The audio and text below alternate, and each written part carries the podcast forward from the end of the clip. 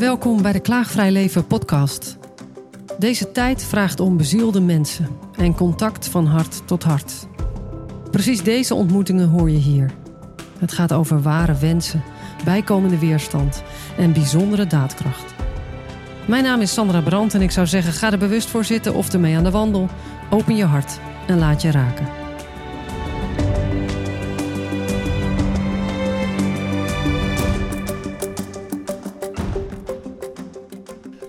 Smit, wat wil je van me weten? Ja, het is heel leuk, want we probeerden even de context van tevoren te maken. Maar het is altijd zo leuk, bij de Klaagvrij Leven podcast doen we eigenlijk weinig context en het ontstaat. En dat is een hele nieuwe aanvliegroute eigenlijk. Nou kennen we elkaar natuurlijk al een aantal jaar. Uh, en we hadden een tijdje geleden een fantastisch gesprek, allebei vanuit de auto. Um, en jij bent de arboarts, maar echt wel een eigen gerijde, vind ik. Ondernemer ook, creatieveling. En ik wil daar eerst eventjes wat meer van horen. Uh, ja, nee, dat klopt. Uh, arboarts, ik vind dat een, een beetje een enge term. Uh, maar dat is prima, want dan, begrijpen mensen een beetje waar je je begeeft. ik ben van oorsprong dokter. Ik dacht altijd huisarts te worden, want het ziekenhuis vond niks. En kwam uiteindelijk via, via een contact met de arbo. Wat in feite wil zeggen gezondheid voor mensen die in principe lekker aan het werk zouden willen zijn, maar dat niet lukt niet. En um, ja, ik vond het eigenlijk hartstikke leuk. Ik vond het leuk om, om bij al die bedrijven over de vloer te komen. Ik vind het zo grappig wat iedereen doet en, en met passie. En dat gaat dan van drukkerijen tot... Uh, ja, nou ja, ik zeg van... Uh, ik, heb hele leuke gesprekken gehad met mensen die vuilophalers... Uh, gewoon van de gemeente. en hoe ze dat doen en wat voor hun belangrijk is. ja, dat vind ik echt superleuk. En, en je bent een onderdeel van een Arbo-dienst. Ja, klopt. Ik, uh, na, na heel veel omzwervingen zijn, ben ik een aantal, uh, ben ik twee kompions, zeg maar, mijn huidige kompions tegengekomen. En zijn wij in 2017, 18 zijn wij een, een arbeidsdienst gestart, omdat wij dachten we gaan het heel erg anders doen. En dat is natuurlijk best een uitdaging, wel wat is dat dan? Wat is nou anders doen? Arbo is natuurlijk gevangen in wetgevingen, regels en, en verwachtingen. En tegelijkertijd zeiden we, ja, maar joh, het gaat toch om mensen, het gaat toch om, om, om, contact, het gaat om iemand die vastloopt. Het gaat er altijd maar vanuit dat iemand oprecht behoefte heeft om, om even niet aan de slag te gaan, maar even niet weet hoe die verder moet. Ja, want ik, ik vind Arbo best een beetje een stoffige term. Ik heb ooit nog eens gekeken of ik daar ook iets voor zou kunnen gaan doen. En dan vanuit verpleegkundige hoek, maar ook wel ondernemer en creatieveling.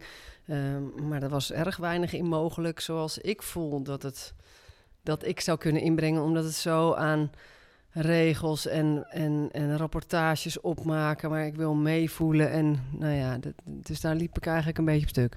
Ja, dat is de hele zorg een beetje geworden nu. Hè? Protocollen en formulieren en vinken. En, uh, en uh, wat ik het fijne aan de Arbo vind, is dat er geen zorgverzekeraar meekijkt. Uh, dus die kan niet zeggen hoe lang iets mag duren wat ik word betaald. Als, als ik iets doe en, en, die, en mijn opdrachtgever is blij en de mensen in mijn spreekkamer zijn blij, en al doe ik niet zo heel veel spreekkamerwerk meer, uh, dan denk ik, nou, dan doe ik het goed. Dus ja, dat maakt me dan niet zoveel uit. En ja, en dan hebben we nog wat formuliertjes. Ja, dat zit eigenlijk in elke wat officiëlere baan moet je dingen doen. Dus als ondernemer moet je ook je administratie bijhouden. Nou, daar heb ik een hele goede compagnon voor, die daar heel goed in is. Um, maar ja, je, je, hebt je administratie te doen. Dat is nou eenmaal. Elke baan heeft dingen die minder aantrekkelijk zijn. En wat, wat, dus zit je op je plek? Wat je met de keuzes die je nu gemaakt hebt? Ja, denk wel, maar ik wil altijd meer. ik wil altijd bewegen naar, ah, er klopt nog iets niet. Of ik zou nog iets meer dit moeten of iets meer dat moeten. En ik ben wel echt iemand die heel erg uh, over de baren uitkijkt. Ik ben niet zo iemand van het mini-managen. Ik kan niet zo in die details uh, hangen. Maar wel uh, kijken van, hé, hey, waar moet het naartoe? Is dit echt genoeg? Ga, gaat om mensen. Zijn we in verbinding? Hebben we contact? Kan ik deze persoon zo bereiken dat hij denkt: hé, hey, als ik het zo aanpak, dan kom ik er wel of dan kom ik er wel uit. En, en, en eh, daar hebben wij met elkaar natuurlijk ook over nagedacht. Wat is er nou nodig in het, in, in, in, in het nu, in, in het leven van nu? om, uh, ja, om gewoon lekker in je leven te staan. Om, om, om, uh, ik zie zoveel mensen die in een baan zitten en daar zitten ze al jaren. En ik denk, maar je bent doodongelukkig, wat doe je hier nog? Hebben ze zelf nooit over nagedacht dat dat misschien wel met dat werk te maken kon hebben. Of gewoon met de hele context van hun bestaan. En als je dan die vraag stelt, dan, dan zie je bij wijze van spreken van, uh, van oh, oh, ja, dat is inderdaad, bestaat ook nog. Dat ik ga nadenken van misschien moet ik iets anders gaan doen met mijn leven. Of sowieso dat je stilstaat bij uh, hoe is het eigenlijk met mij en uh, met hoe mijn levensinvulling eruit ziet. Ja. ja. En we hadden het er ook over dat het zo belangrijk is om al in een vroeg tijdstip je uh, bekend te worden met je kwaliteiten, waar je goed in bent, waar je blij van wordt. Het lijkt een beetje een, een, een suf onderwerp aan de ene kant. Um, maar het is zo essentieel. En dat hoor ik jou ook zeggen in ons gesprek. Dat je bepaalde um, taken binnen jouw werk kon af, of, uh, afschuiven klinkt wat, wat onaardig, maar kon overdragen aan iemand die daar weer blij van wordt, zodat jij weer ruimte krijgt voor dat waar jij je kracht in ziet. Ja, daar geloof ik heel sterk in. Ik geloof wel heel sterk in dat je, uh, dat je er baat bij hebt, iedereen, als je weet wie je bent. En, en wat bij jou past. En wat jou, nou ja, je, maat van mij zegt altijd, waar kan ik jou s'nachts voor uit je bed trekken? En dan zeg je, ja, dat gaan we doen. En, en, uh, en waarvoor niet? Uh, nou, er belde net een collega van ja, ik kan wel eventueel um, maandag en dan kunnen we ook om acht uur al afspreken. Ja, dat moet je bij mij niet doen. Maar er zijn genoeg mensen die zeggen, ik sta lekker om vijf uur op en heb het aan, dan ben ik op zeven uur op het werk. Hey, be my guest. Doe, als dat is wil, en dat kan bij ons ook. Als je zegt, joh, ik ben om drie uur klaar, de zon schijnt, ik ga naar het strand, uh, doe je ding. Als het werk af is, mag ook s'avonds, in het weekend, het zit me niet. We hebben zelf ook merk, en, en we hebben een collega die werkt permanent vanuit Suriname. Die kan bij ons aan, joh, hartstikke leuk. Ik ga naar Suriname, ik wil voor jullie blijven werken. Ik ga terug. Maar ik wil daar wel uh, bij zeggen, joh, weet je wel dat het tijdverschil is? Ja, dat los ik wel op. Nou, en die werkt gewoon voor ons. Klant hartstikke blij. En zij blij. En dat is hartstikke leuke collega. Ik denk, nou, uh, prima toch? Gaat het niet? Dan hebben we het daarover. En ik geloof heel erg dat uh, vind je plekje, maar ook wat past bij mij. En waarom past het bij mij? En waarom doe ik dit? Ik spreek natuurlijk heel veel mensen. We hebben zorgklanten heel veel dames die daar werken. Continu over hun grenzen meer. Allemaal zorgen, zorgen, zorgen, geven, geven, geven. En hebben dan niet door dat dat uiteindelijk maakt dat ze omvallen. Wat bedoel je met zorgklanten? Nou, dus, de grote bedrijven die, uh, wij zijn arbeidsdiensten, wij we begeleiden dan bij, bij uh, de werknemers die uitvallen van grote bedrijven. Dan moet je denken aan grote organisaties die verpleging en verzorging bieden in de thuiszorg, verpleeghuizen, verzorgingshuizen. Ja, je bedoelt zorgklant echt mensen die in de zorg werken. En de klant, dat is de klant, zeg maar, de bedrijf en de mensen die er werken zijn dan de medewerkers. En dan, daarin zie je mensen die uh, hun grenzen voorbij lopen, die vooral aan het zorgen zijn, aan het geven. Heel veel. En die hebben daarnaast ook nog mantelzorg en uh, mantelzorg voor de buren en, en, en neefjes en nichtjes en voor hun collega's. Uh, en, en, en er is niet in die fase, is dan zeg maar, waarom doe je dat? Uh, nou, dan, dan, dan zie je echt zo van, ja, weet ik eigenlijk niet. Waarom stop je niet gewoon eens daarmee? Waarom zeg je niet, joh, ik heb mijn baan en nu mag jij dat een keer doen? Nou, dat is een concept dat niet in hun hoofd zit. Nou, dat kan, hè. Maar dat is ook wel eens, hè, dat, dat zeg ik altijd, nou, dan moeten we dan misschien bescherming voor regelen... of moeten ze eigenlijk liefst zelf doen, van hoe doe ik dat dan? En, en, en hoe leer ik mezelf dan kennen? Waar zit dan die valkuil van mij? Nou, en daar hadden wij het over hè, in ons gesprek. Van wanneer leer je nou in je leven? Want we leren van alles. We leren uh, allemaal dingen die ik niet kan onthouden over geschiedenis, uh, jaartallen en dat soort dingen. Maar ik denk nergens in die loopbaan leer je wie ben ik? Wie ben ik? Wat past bij mij? En waarom val ik heel goed in de groep of buiten de groep? Of waarom heb ik die vriendjes wel en die vriendinnetjes niet? waarom? Wie ben ik? En zie je dat nergens. We, we zijn heel erg bezig met die cognitieve kant. Maar heel weinig met gewoon wie ben ik, wat past bij mij en waarom vind ik dit zo moeilijk en dat zo makkelijk. Wie had dat gedacht? Dat je eh, de, de artsopleiding had gedaan. Ik, nou, ik ga niet in het ziekenhuis, word huisarts. Maar uiteindelijk kom je helemaal terug op de vraag richting de klant: van wie ben je?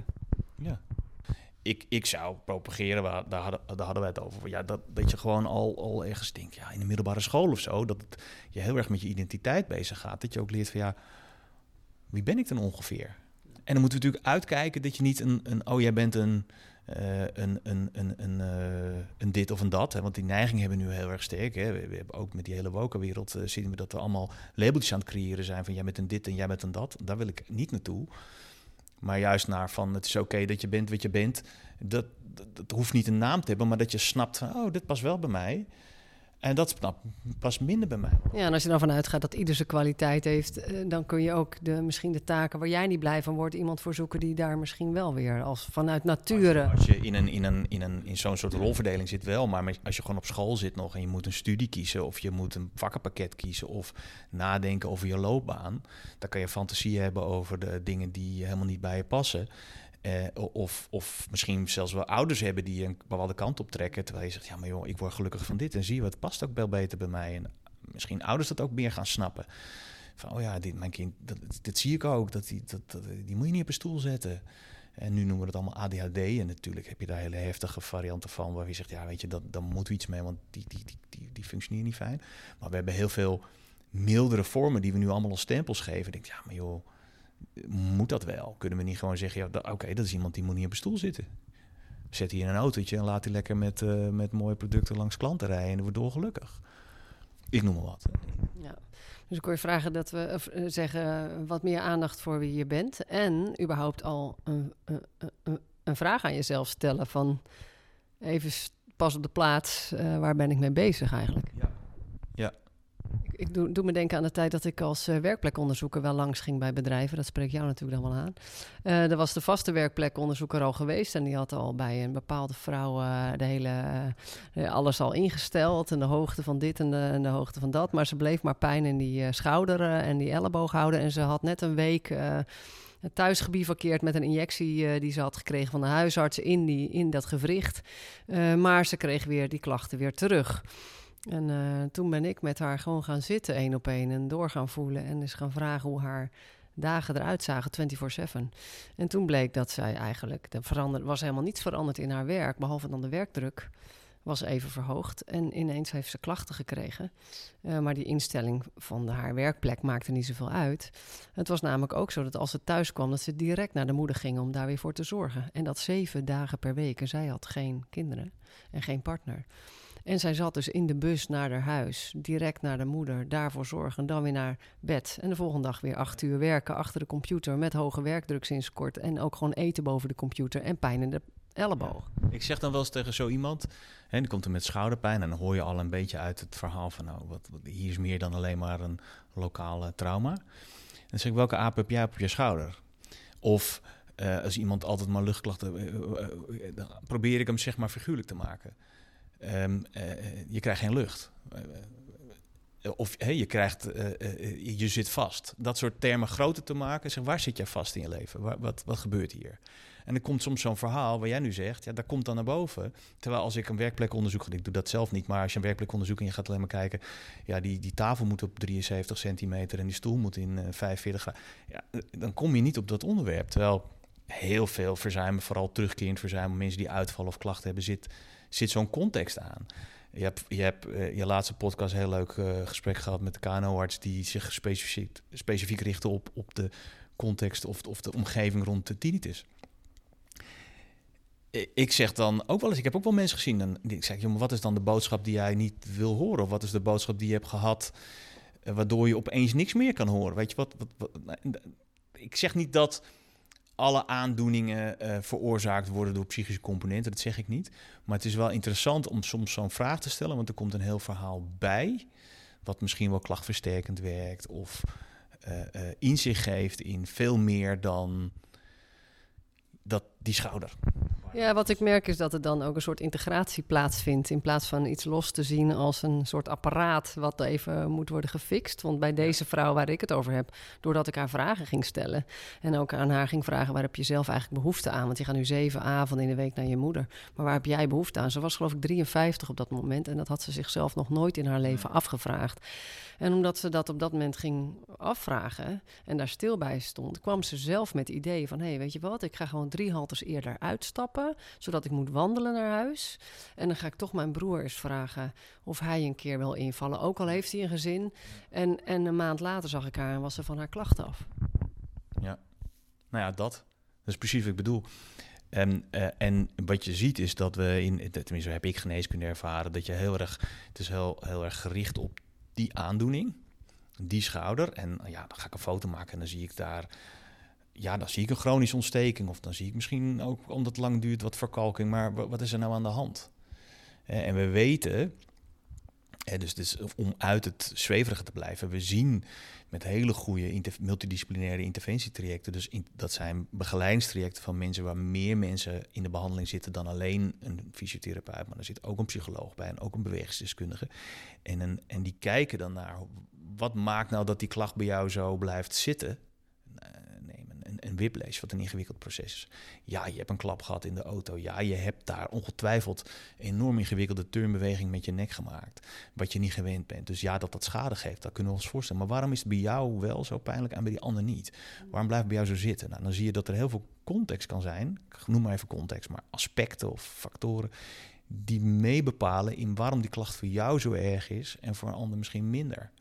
Net als die tinnitus. Waarom is hij bij jou op de voorgrond? Kun je, kan het op een andere manier?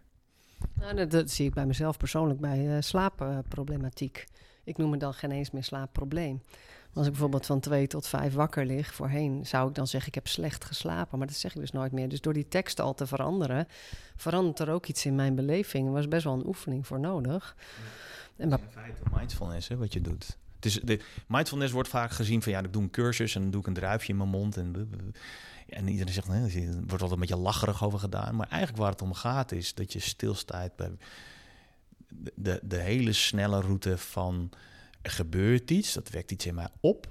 Daar heb ik een gedachte over en dat uit zich in gedrag of een gevolg in de grootste zin heb nou durf je te kijken naar die stapjes die daar plaatsvinden. En jij zegt al van ja, ik had een slaapprobleem en dat heb ik gewoon gekeken. Nou, dit gebeurt dus kennelijk. Ik weet dat jij ook eraan gewerkt hebt om dat op te lossen. En dat je zegt, ja, ik sla, sinds 16 jaar slaap ik weer. Um, maar dat komt niet. Wat gebeurt er dan? Hey, waarom heb ik dit? Waarom voel ik dat dan? Kan ik dat ook anders voelen? Uh, dat is een stukje cognitieve gedragstherapie die je zelf hebt gedaan in een soort mindfulness, in stilstaan van wat gebeurt hier nou eigenlijk? Wat ervaar ik? Wat is dit? En als je daarmee oefent, kun je ook veel sneller ervaren. Oh, het komt bij me binnen. Ah, daar hoef ik even niks mee. Nou, dat is voor jou, weet je, dat hoef ik niet te hebben. Ik zeg altijd, iemand mag je allemaal cadeautjes geven, maar je hoeft niet aan te pakken. Dus je kan, als iemand tegen jou zegt, hey, hier heb je een opdracht en in een werk. En je zegt, joh, uh, ik, weet niet, wat, hoezo is dat voor mij? Dan houdt die ander het nog in zijn handen en dan loop je lekker door. En dat kan met van alles. Hè. Als iemand zegt, hey, je bent een stomme trut, kun je zeggen, ja, wel, uh, jij geeft mij dat nou, niet zo leuke cadeautje, maar ik hoef het niet aan te pakken. Dat is wat jij vindt, dat is niet van mij. Dat, zijn, dat is dat je erbij stil kan staan dat er fases zijn in al die gebeurtenissen. Dat je dat kan ervaren. Dat, je dat, dat is wat mindfulness is. Ja, en hoe mooi het... Kussentje liggen, zeg maar, en een druifje in je mond. Ja, dat is om het te leren dat er meer is dan een druif. Maar de, de, diepere gedachte is natuurlijk dat je, dat je invloed hebt op wat er met jezelf gebeurt. En dat, je... ja, dat, is, dat is precies waar ik op in wil haken. Ja, want hoe, hoe, ongelofelijke rijkdom er is ineens ontstaat als je dat doet. Want ik was laatst uh, onderweg naar de huisarts, waarin ik dacht: oh god, dan gaan we weer. Dan krijg je maar vijf tot tien minuten. Maar dit is wel echt een issue wat even besproken moet worden. En ik ving mijn eigen gedachten. Ik zei het hardop. Dus zo moeilijk was het niet om te vangen. Maar. Uh, in de auto in mijn eentje, vijf tot tien minuten. Maar toen dacht ik, ja, maar wat is mijn behoefte daaronder? Hè? Want het is op zich klagen, je krijgt maar vijf tot tien minuten. Hè, dus, dus meteen doorschakelen naar de behoefte eronder... is dat er even helemaal geen issue was met tijd. En waardoor ik toen opeens kon besluiten, maar wacht even... ik doe even helemaal niet mee met die regel. Die is even niet bestemd, voor mij bestemd... Uh, want dit vraagt om aandacht. Dus ik ga even helemaal niet meedoen met die regel, maar er ook niet tegen verzetten. De is er gewoon nu even niet. Ik ga bespreken wat ik wil bespreken. En daar ook aan het begin even de tijd voor vragen. Van joh, ik wil even de aandacht daarvoor.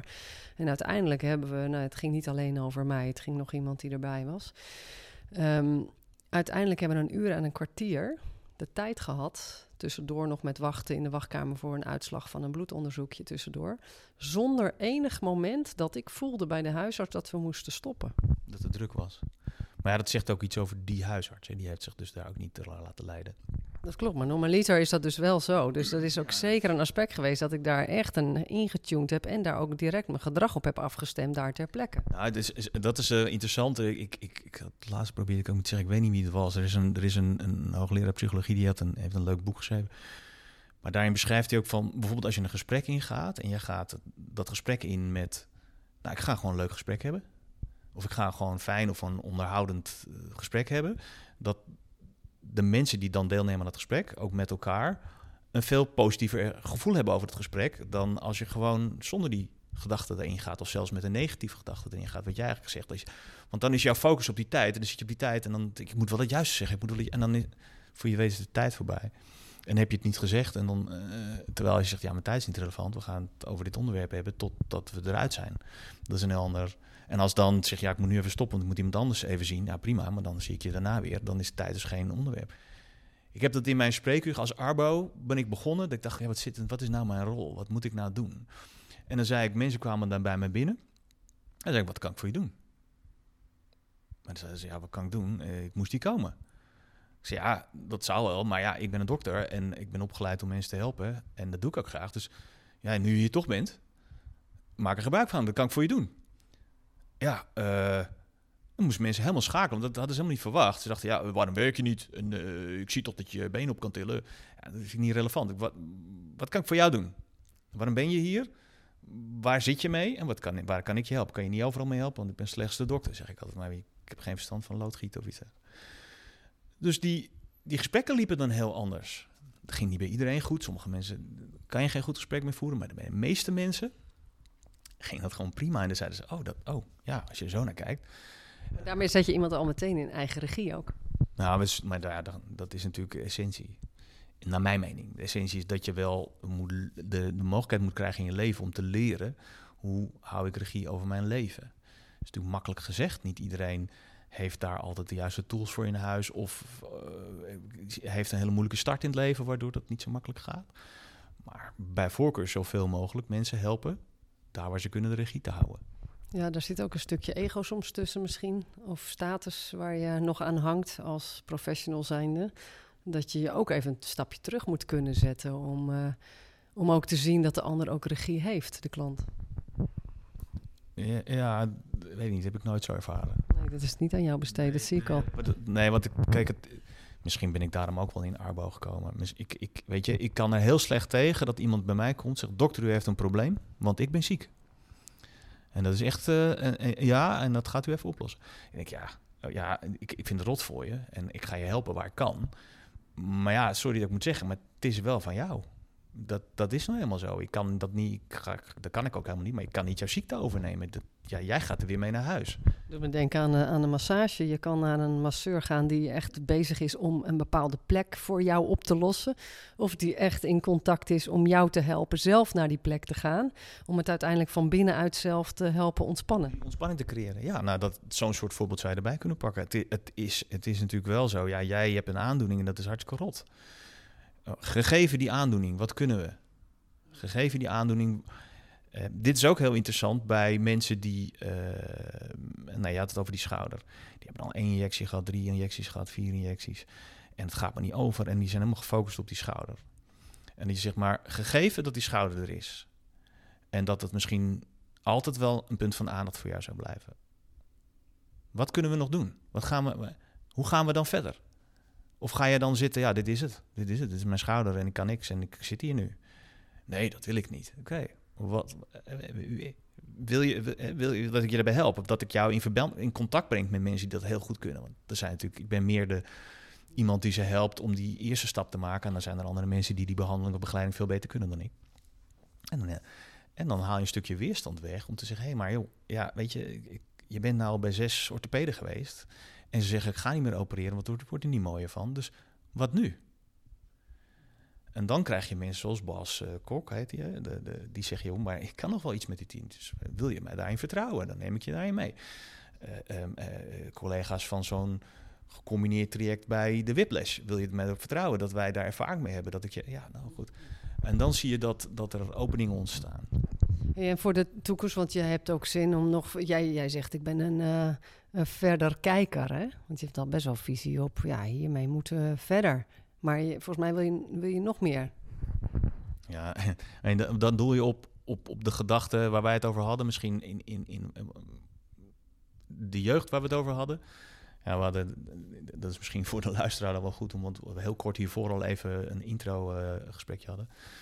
Uh, wij hebben van gedachten gewisseld met elkaar over, over hoe moeilijk het is om in de huidige tijd weerstand te bieden tegen alles wat op je pad komt, wat zo extreem verslavend is. Eigenlijk uh, is alle smartphone ellende is gemaakt om je te verslaven.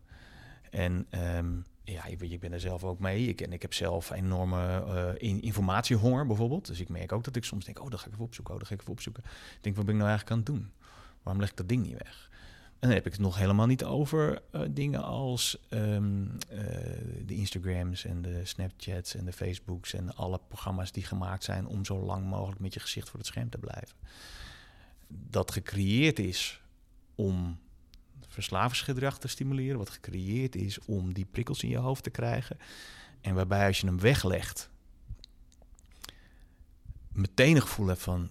Uh, en, en, en, en ja, dan denk je, nou dan pak ik hem maar weer of zo. En dan is dat gevoel weer even weg. En als je hem weglegt, heb je even dat gevoel. Uh, en dat is dat, dat dopamine-systeem wat, wat geïrriteerd raakt. En pas als je hem een uurtje weggelegd hebt of een half uurtje weggelegd, dat je denkt, oh ja, nou, hoe, hoe kan je daar als mens tegen bestand zijn als het 100% gericht is om je te vangen en eh, alle slimme trucken erin zitten om elk mens te vangen? Dan, dan is het logisch dat je erdoor gevangen wordt. Jij en ik en iedereen. Nou, daar vind ik iets van. Ik vind het raar dat daar eigenlijk geen niet wordt ingegrepen. Was er dan toch met Brussel van alles aan het doen zijn, grijp daar dan eens op in. Maar dat, nou, dat gaat dan over andere zaken. Maar hoe gaan we ermee om? We zien nu dat uh, de adolescenten, dus, dus laat ik zeggen tussen de 20 en de 30, de eh, enorme hoge burn-out, depressie, uh, vervreemding, sociale beperkingen. Wat gaan we ermee doen? Nou, daar denk ik wel over na. Van wat kunnen we, we kunnen. Ik heb geen antwoord nog, moet ik zeggen hoor. Ik, ik vind het wel, ik vind het wel zorgwekkend. Dus iets waar ik me wat meer in wil verdiepen. Omdat... Zie je dan kansen om dat vanuit je huidige werk te doen? mogelijk. Wij, wij, ik spreek werkgevers. Die, die laatst had ik een, eh, een grote retailer. Een eh, bedrijf wat computerapparatuur verkoopt. En die zei, nou, de gemiddelde leeftijd in mijn winkels is... Uh, ik zeg tussen de 18 en de, en de 35. En ik heb een gemiddelde waar de burn-out optreedt 32. En, en, en hij zegt, kan er bijna vergif op innemen. denk ik, ja, maar dat is, wat, wat zeg je nu? Ten eerste was vroeger, geloof ik, mijn burn-out was iets voor mensen van 50 plus.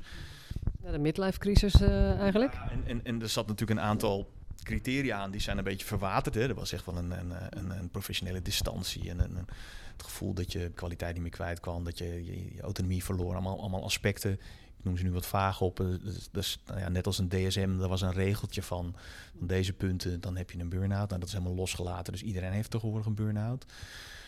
Um, ik vind dat niet zo belangrijk.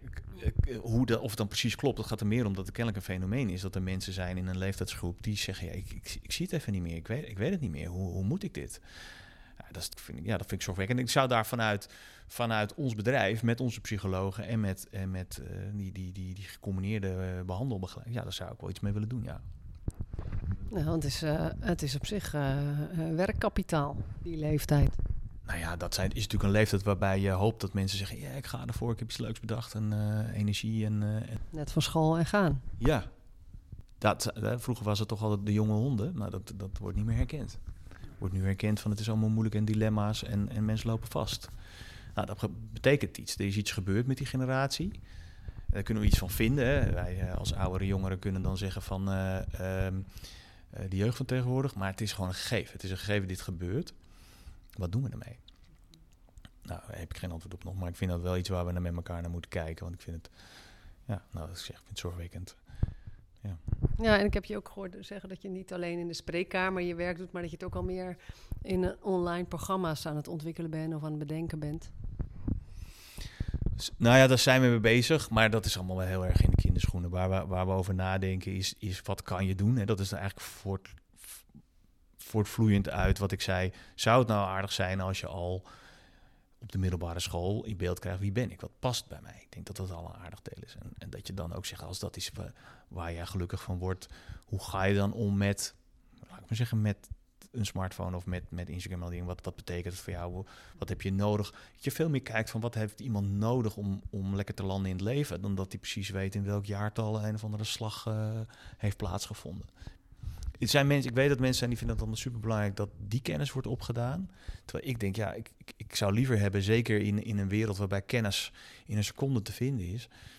Uh, dat, je, dat je meer leert hoe sta ik in het leven, hoe, hoe kan ik met anderen me verhouden. Want ik zie dat nu nou, en, en hoe kan je tot jezelf verhouden, even zonder al die afleiding allereerst? Ook, maar ook tot een ander. Uh, je, ze zijn allemaal gewend om via appjes met elkaar te communiceren. En dan zeg maar, bel iemand even op. Ja, wat ga ik dan zeggen? Dat vind ik eigenlijk wel moeilijk. Terwijl je, juist die intermenselijke contacten, ik denk dat is wat wij zijn. Hè, als je mensen wel eens uh, in hun grafredes zeggen ze, ja, ik had wat meer tijd moeten besteden aan mijn vrienden. Ik had meer tijd moeten besteden aan mijn familie Dus dus interactie. Dat is, ik denk niet dat ze bedoelen, ik had ze wat vaker een appje moeten sturen. Gewoon gezellig met elkaar eten. Zoek elkaar eens op. Hang eens in het gras. Doe eens niks. Maak eens een grap. Speel een potje voetbal. iets, iets met elkaar. Dat, dat, en dat gebeurt wel hoor. Ik bedoel, ik zeg niet dat het niet gebeurt, maar ik vind wel dat heel veel communiceren, communiceren via die appjes en al die communicatielijnen naast elkaar, hè, daar zijn ze heel erg goed in om te filteren van, nou, dat doe ik niet mee, daar wel aan mee. Maar het is wel allemaal helemaal digitaal via een scherm. Ik denk, ja, leg de ding eens weg, ga lekker naar buiten. Nou, dat zit hem dus ook bij ouders en begrenzen. En kun je dat? Ja, ook. Maar ik vind het ook wel lastig als blijkt dat op een middelbare school, overigens zie ik dat scholen er nu ook weer een beetje van terugkomen, alles via een laptop loopt. En, en dan zeggen ze wel, stop je telefoon in je tas. Maar goed, dan doe je WhatsApp web. En dan heb je alsnog je WhatsApp openstaan. En dan lijkt het alsof je aantekening maakt. Ze zijn met elkaar in de klas aan het chatten. Dus... Ik hoorde laatst dat er een uh, docent was die zei... Uh, doe eens een hand omhoog. Ja, andere hand nu ook. Daar even laten. Ik kom even alle laptops uh, checken waar iedereen mee bezig was. Dus alle kinderen zaten met ja, hun handen omhoog. En al die programma's zijn open. En, en wat zou jij doen? Hè? Ik bedoel, we waren natuurlijk ook niet de, de meest uh, hè, ik weet dat jij er ook van bent, maar ik geloof wel van joh, uh, verbinden, ga eens wat, uh, ga eens wat, wees creatief met elkaar, ga leuke dingen doen. Nou, ik heb Facebook nu opgezegd voor het eerst sinds, nou ja, wat is het, 2014 of zo. Je kan het, in plaats van dat je het helemaal afgooit, kun je het ook op non-actief zetten. Dus dat is stap 1. Ik heb mezelf er een keer helemaal afgegooid. En toen dacht ik, hoe is het eigenlijk met die? Ik heb een kennis die zit in Mexico. Dit is een ondernemer daar. Toen dacht ik, oh, ik ben toch eigenlijk wel leuk en ik weet zijn nummer. Dus ik ga me weer even gewoon een eigen accountje maken en zoek ik hem op. Oh, wil je weer een accountje? Maar ben jij niet die en die? Wil je niet gewoon je oude ding herstellen? Ik dacht, ach had ik toch helemaal verwijderd? Is, is allemaal zo in drie klikken weer uh, terug. Tussen die illusie, je bent zo weer terug, ook al heb je het volledig verwijderd. Ja, het gaat er meer om dat ik niet meer de neiging heb om erop te gaan. Dus dat is nu echt wel eruit. Dus dat, dat, dat scheelt weer. En ik heb uh, op Instagram nou helemaal niks op mijn telefoon zitten. Dus uh, daar is voor mij ook geen verleiding. En ik check ook geen nieuwssites. Uh, dat doe ik al geen jaren meer. Nee, nou dat helpt enorm. Want het, het is allemaal, allemaal inderdaad uh, pseudonieuws wat je dan naar je haalt. Ja, en, en waarmee wil je je dag starten? Ja. Met welke energie? En ik ben weer begonnen met koud water. Met een reflectie op de vorige dag en een reflectie op de komende dag. Dat is anders dan dat je start met laatste pingetjes. Dus dat is ook zo. Dat is ook zo. Maar goed, en, en, en ik denk om terug te gaan naar. Uh, als je kan weten wie je bent en wat bij je past. En, en, en daarmee comfort kan hebben bij jouw route. Dan zou ik mij kunnen voorstellen, maar misschien is het een illusie. Dat het minder nodig wordt om in een burn-out te komen. Um, um, ja, dat geloof ik ook. En ik hoor ook, jij hebt een functie waarin je dus, heb je zelf ook gecreëerd, maar waarbij je ook kan zeggen tegen een klant of, of collega, uh, acht uur maandagochtend, nee, dat gaan we niet doen. Nee, ja, dat is mazzel als je, als je de eigenaar bent. Nou ja, mazzel. Je, je, kan ook een hoop zelf creëren, maar dat kan natuurlijk niet in elke functie, nee. Nee, nee, niet, nee dat, en ook niet, moet ik niet zeggen, iedereen moet ondernemer worden, dat past niet iedereen. Maar wat ik wel stimuleer, ook bij de me mensen bij ons werken, natuurlijk, je maakt afspraken met klanten, cliënten, uh, whatever. Ja, die moet je nakomen. Maar als je zegt, joh, die ochtend, ja, ik weet, ik heb de avond voor een feest gehad. Joh, uh, dan werk je die ochtend een paar uur later uh, en dan doe je s'avonds nog. Of je zegt nou op je vrijdag of in het weekend. Als jij zo schuift, ja, dan ga ik niet vlogdagen bijhouden. Dat vind ik niet interessant. Natuurlijk willen we niet dat iemand zegt, oh, maar dan ben ik het hele jaar weg. Maar je bent ja, een stuk eigen verantwoordelijkheid, regie in je functie. Van, ja, je bent verantwoordelijk en, en, en dat kan op elk niveau. Ja, het zou mooi zijn als we echt werken vanuit dat je het gevoel hebt dat je ook een bijdrage levert aan de wereld. Hè? Wat is jouw onderdeel? Nou, daar, daar, dat is best een uitdaging hoor, om dat altijd in je bedrijf goed te houden. Maar dat is wel wat we willen. Dat jij bent hiervan, maar dat past in het totaal daar. Zodat je snapt dat ook dat heel belangrijk is. En wat een leuk voorbeeld is, een, er is een man geweest in, Amsterdam, of in Rotterdam. Heel slecht in namen die heeft, uh, de gemeente Reiniging heeft die een nieuwe wending gegeven. Van uh, wij zijn vuilophalers naar wij, wij zorgen voor een schone stad. Wij zijn van een schone stad. En als je dan straatveger bent, dan zeg je ja, maar ik ben daar een onderdeel van. Dit is mijn straat en ik zorg voor een schone straat. En er was, gaf een enorme boost aan al die mensen. Dat is, en, het is een heel leuk voorbeeld om een keer te googlen. Um, uh, hoe, hoe van een, een, een, een, negatieve sfeer daar een hele positieve sfeer kwam met energie we gaan het aanpakken. En wij zijn van een school. En dan, en dan maakt het dus niet uit of jij universitair bent of dat je gewoon zegt: ja, ja school is voor mij lastig, ik, uh, ik ben goed in straatvegen. Dat was ook belangrijk. En samen maken wij een schone stad. Ja, dat, dat doet me denken aan een, ik geloof een bedrijf in Australië van de eigenaar had bedacht dat hij hetzelfde zou verdienen als iedereen, rond de 30.000 per jaar zou dat zijn, net genoeg voor iedereen om rond te komen, maar dan echt door alle niveaus heen in het bedrijf. Dat iedereen hetzelfde verdiende. Ja, dat is altijd lastig, hè? Ik weet niet of ik daar goed in zou zijn. Ik vind het zelf ook leuk om, om, om uh, te werken aan een mooi inkomen. Um, maar dat hoeft niet uh, sky high te zijn. Weet je. Het is, uh... Hoe ziet jouw ochtendritueel eruit als je echt zou kiezen wat voor jou goed zou zijn? Ja, niet veel anders dan nu, denk ik. Ik sta gewoon op en dan ga ik op de rand van mijn bed zitten. Wat ga ik eens doen vandaag? En dat, zo, zo sta ik altijd op. Wat ga ik eens doen vandaag? En natuurlijk heb ik mijn agenda. En dan kijk ik wel. Ik weet wel, s'avonds kijk ik ook even wat zijn mijn afspraken voor de volgende dag. Eh, daar stel je natuurlijk je wekkertje op in. En voor de rest, ik slaap. Ja, ik heb de massa, ik slaap heel makkelijk. Ik kan heel makkelijk. En nu is alles uit. Ik ga slapen.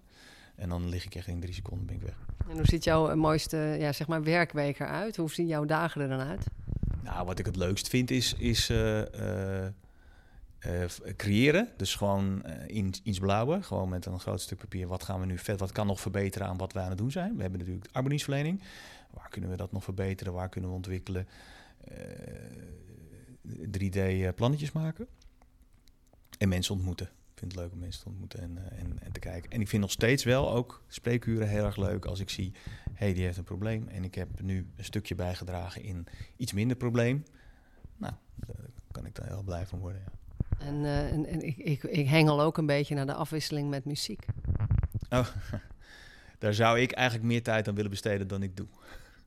Ik heb, uh, ik heb er wel veel ambities in, maar ik doe daar te weinig mee. Je hebt eigen drumstel staan hier. Ja, drumstel en gitaren en uh, piano's. En ik, ik maak muziek, maar het is allemaal nog een beetje binnen, binnen de, de deuren. Nou, ik heb een heel leuk feestje van jullie bedrijf meegemaakt buiten. En daar werd vol muziek gemaakt, ook door jou. Ja, dit, dat klopt wel. Maar het is niet meer structureel. Vroeger zat ik in een band en dat zou ik eigenlijk wel weer willen. Ik was laatst weer met iemand in contact die een band starten, maar dat was niet helemaal mijn muziek. Dus ik, ik, ik kijk daar wel naar. Maar goed, ja, je kan niet op alle terreinen altijd uh, vlammen. We zijn met het bedrijf bezig, en dat vind ik ook superleuk om daar iets moois van te maken. Ja, en daar gaat gewoon heel veel tijd in zitten. En de naam van jullie bedrijf? Wim Arbo. En waar staat Wim voor? Staat voor Working in Motion. En ik hoor dat jullie uh, van locatie gaan wisselen. Vertel. Ja, nee, klopt. wij moesten eruit. We, hadden, we zetten pas een jaar in een, in een pandje en wij wilden daar wat uitbreiden, maar dat, kon niet, want het pand moest, uh, ging naar een school. Of er zou een school inkomen. Toen dachten we, oh, maar dan gaat die school waarschijnlijk uit een ander pand. Een oud schoolgebouw. En toevallig stond het aan de andere kant van de straat. Dus daar zijn we nu mee in gesprek. En nou ja, daar zijn we nog in onderhandeling. Maar het zou heel leuk zijn als, als we met elkaar eruit komen. En dat is een schoolgebouw. Dat is eigenlijk een heel raar pand. Dus niet standaard kantoor. En dat vinden wij superleuk kijken wat we van kunnen maken. We hebben er allemaal fantasieën bij. En, uh, en, uh, Vertel eens wat over die fantasieën, want je hebt het al over de entree. Vertel die mij. Uh, nou ja, dat, dat, onze entree zou niet... Ik, ik, wat ik altijd raar vind, ik kom dan, dus je entree van een gebouw... dan kom ik zo'n hele grote, statige, lege hal... en dan ergens in de hoek zit zo'n spierwitte balie... en dan zitten dan dames achter het glas met koptelefoons op en een dingetje... en dan zie je ze ook praten, dus dan moet je wachten. Ik denk, dat is echt gewoon geen verbinding. Ik kom binnen en het is koud afstand en eh, dus wij hebben uh, daarover gefantaseerd van je, je moet binnenkomen en er moet eigenlijk gewoon een soort kroeg zijn of een bar. Dus wij, hebben ook wel gekeken, kunnen we niet gewoon ons bedrijf in, samen met een, een horecaondernemer doen. Dat we zeggen, joh, dat stuk gebruiken wij jij hebt die kroeg. Maar als mensen van ons binnenkomen, geef ze een bakje koffie en zeggen, wie kom je? Oh, Oké, geef ik even door. Ga maar even zitten. En dat mensen gewoon in een kroeg komen of en aan de bar kunnen gaan zitten of aan een tafeltje. En dat dan wij spreken als iemand een, een afspraak heeft, even binnenloopt zegt, en de barman zegt, hé, hey, zit daar hoor, is voor jou. Uh. En dan loop je naartoe, of je gaat erbij zitten, of je, en dat je daar ook een broodje kan krijgen. En dat, maar dat je meteen binnenkomt en denkt, ah, er is iemand die even naar me luistert en even mij een kopje koffie geeft. Uh, ik ga er altijd vanuit dat je niet voor de lol naar de, naar de arbo gaat. Veel mensen hebben dat ook wel wat, nou je zei al stoffig, maar ook wel van, straks komt daar iemand die gaat iets van mij vinden. Waarom zou je niet gewoon dat in, in, in, in warmte kunnen ontvangen?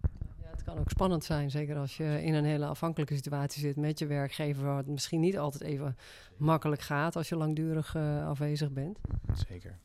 En dan wordt iets gezegd over uitkeringen misschien, of het kan spannend zijn. Maar zoals ik het nu hoor met jullie plannen, willen mensen niet meer weg eh, bij de Arbo. Moet je ook voor uitkijken. Nee, ik blijf ziek, want dan kan ik daar een kopje koffie drinken. Nee, nou... Ik, nou, dan zou ik om een uur of vijf eh, afspreken, want dan zijn er weer andere drankjes misschien. Ja, ja kun je borrelen en, en misschien een avondhap pakken. Nou ja, we, ik, ik vind het leuk ook als ons bedrijf, en dat zeggen we ook, hebben we ook toen tegen jou gezegd van joh, eh, Sander, misschien hebben we geen klus voor je, maar ben je in de buurt en je denkt, ik moet even ergens werken om mijn laptop open te zetten. Joh, be my guest, daar staat de koffieautomaat. Ga lekker zitten en, uh, en, uh, en, en, wees erbij. Hè? En, we, en, dat gebeurt ook wel. We hebben ZZP'ers die zeggen, joh, uh, ik vind het eenzaam om altijd maar alleen te zijn. ik kom even bij jullie droppen of is het oké? Okay? Ja, natuurlijk. Ja, super fijn hè?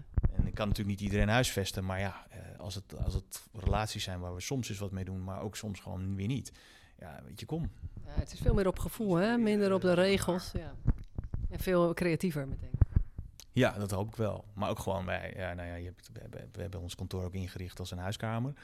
Um, ik, ik, ik, doe het samen natuurlijk met, met, uh, met onze collega's, uh, uh, ook van ons bedrijf. Ik heb iemand gevraagd, joh, je bent merkbewaker.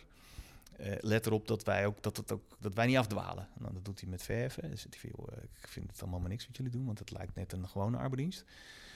En uh, ik zei, nou, dat, dat is niet goed. Dus dan letten we weer op dat dat, dat, dat, dat, dat die vorm niet krijgt. Van daaruit is er een enquête geweest naar onze medewerkers, collega's, van joh, wat, hoe moet ons kantoor eruit zien? Nou, het liefst een soort hub waar je samenkomt, een beetje meer een huiskamer. Dus het is een huiskamer geworden met een hondenmand en een vogelkooi en een een eh, oude, oude platenspeler en uh, een grote tafel. Om gewoon te zeggen, ja, weet je, dit, als je hier bent is het gezellig. Werken kun je overal, maar je moet het ook wel, als je hier naartoe komt, uh, is het ook voor het sociale aspect. Super geanimeerd gesprek, jongen. Nog drie uur door. Ja, Zijn er nog dingen die je echt heel graag wilt delen voor luisteraars? Waar je denkt, nou, dat wil ik nog meegeven of... Nee, nou ja, weet je, dat, dat, is zo lastig. Want net wat je zei, we kunnen uren doorkletsen. We hebben, we, ik heb heel veel ideeën over zaken. Maar ik denk de kern die we geraakt hebben. Van, wie ben jij nou? Wat heb jij nodig om lekker leven te hebben of lekker te werken? Dat is dan in mijn context wat meer. Wat heb jij nodig om lekker en gezond te werken?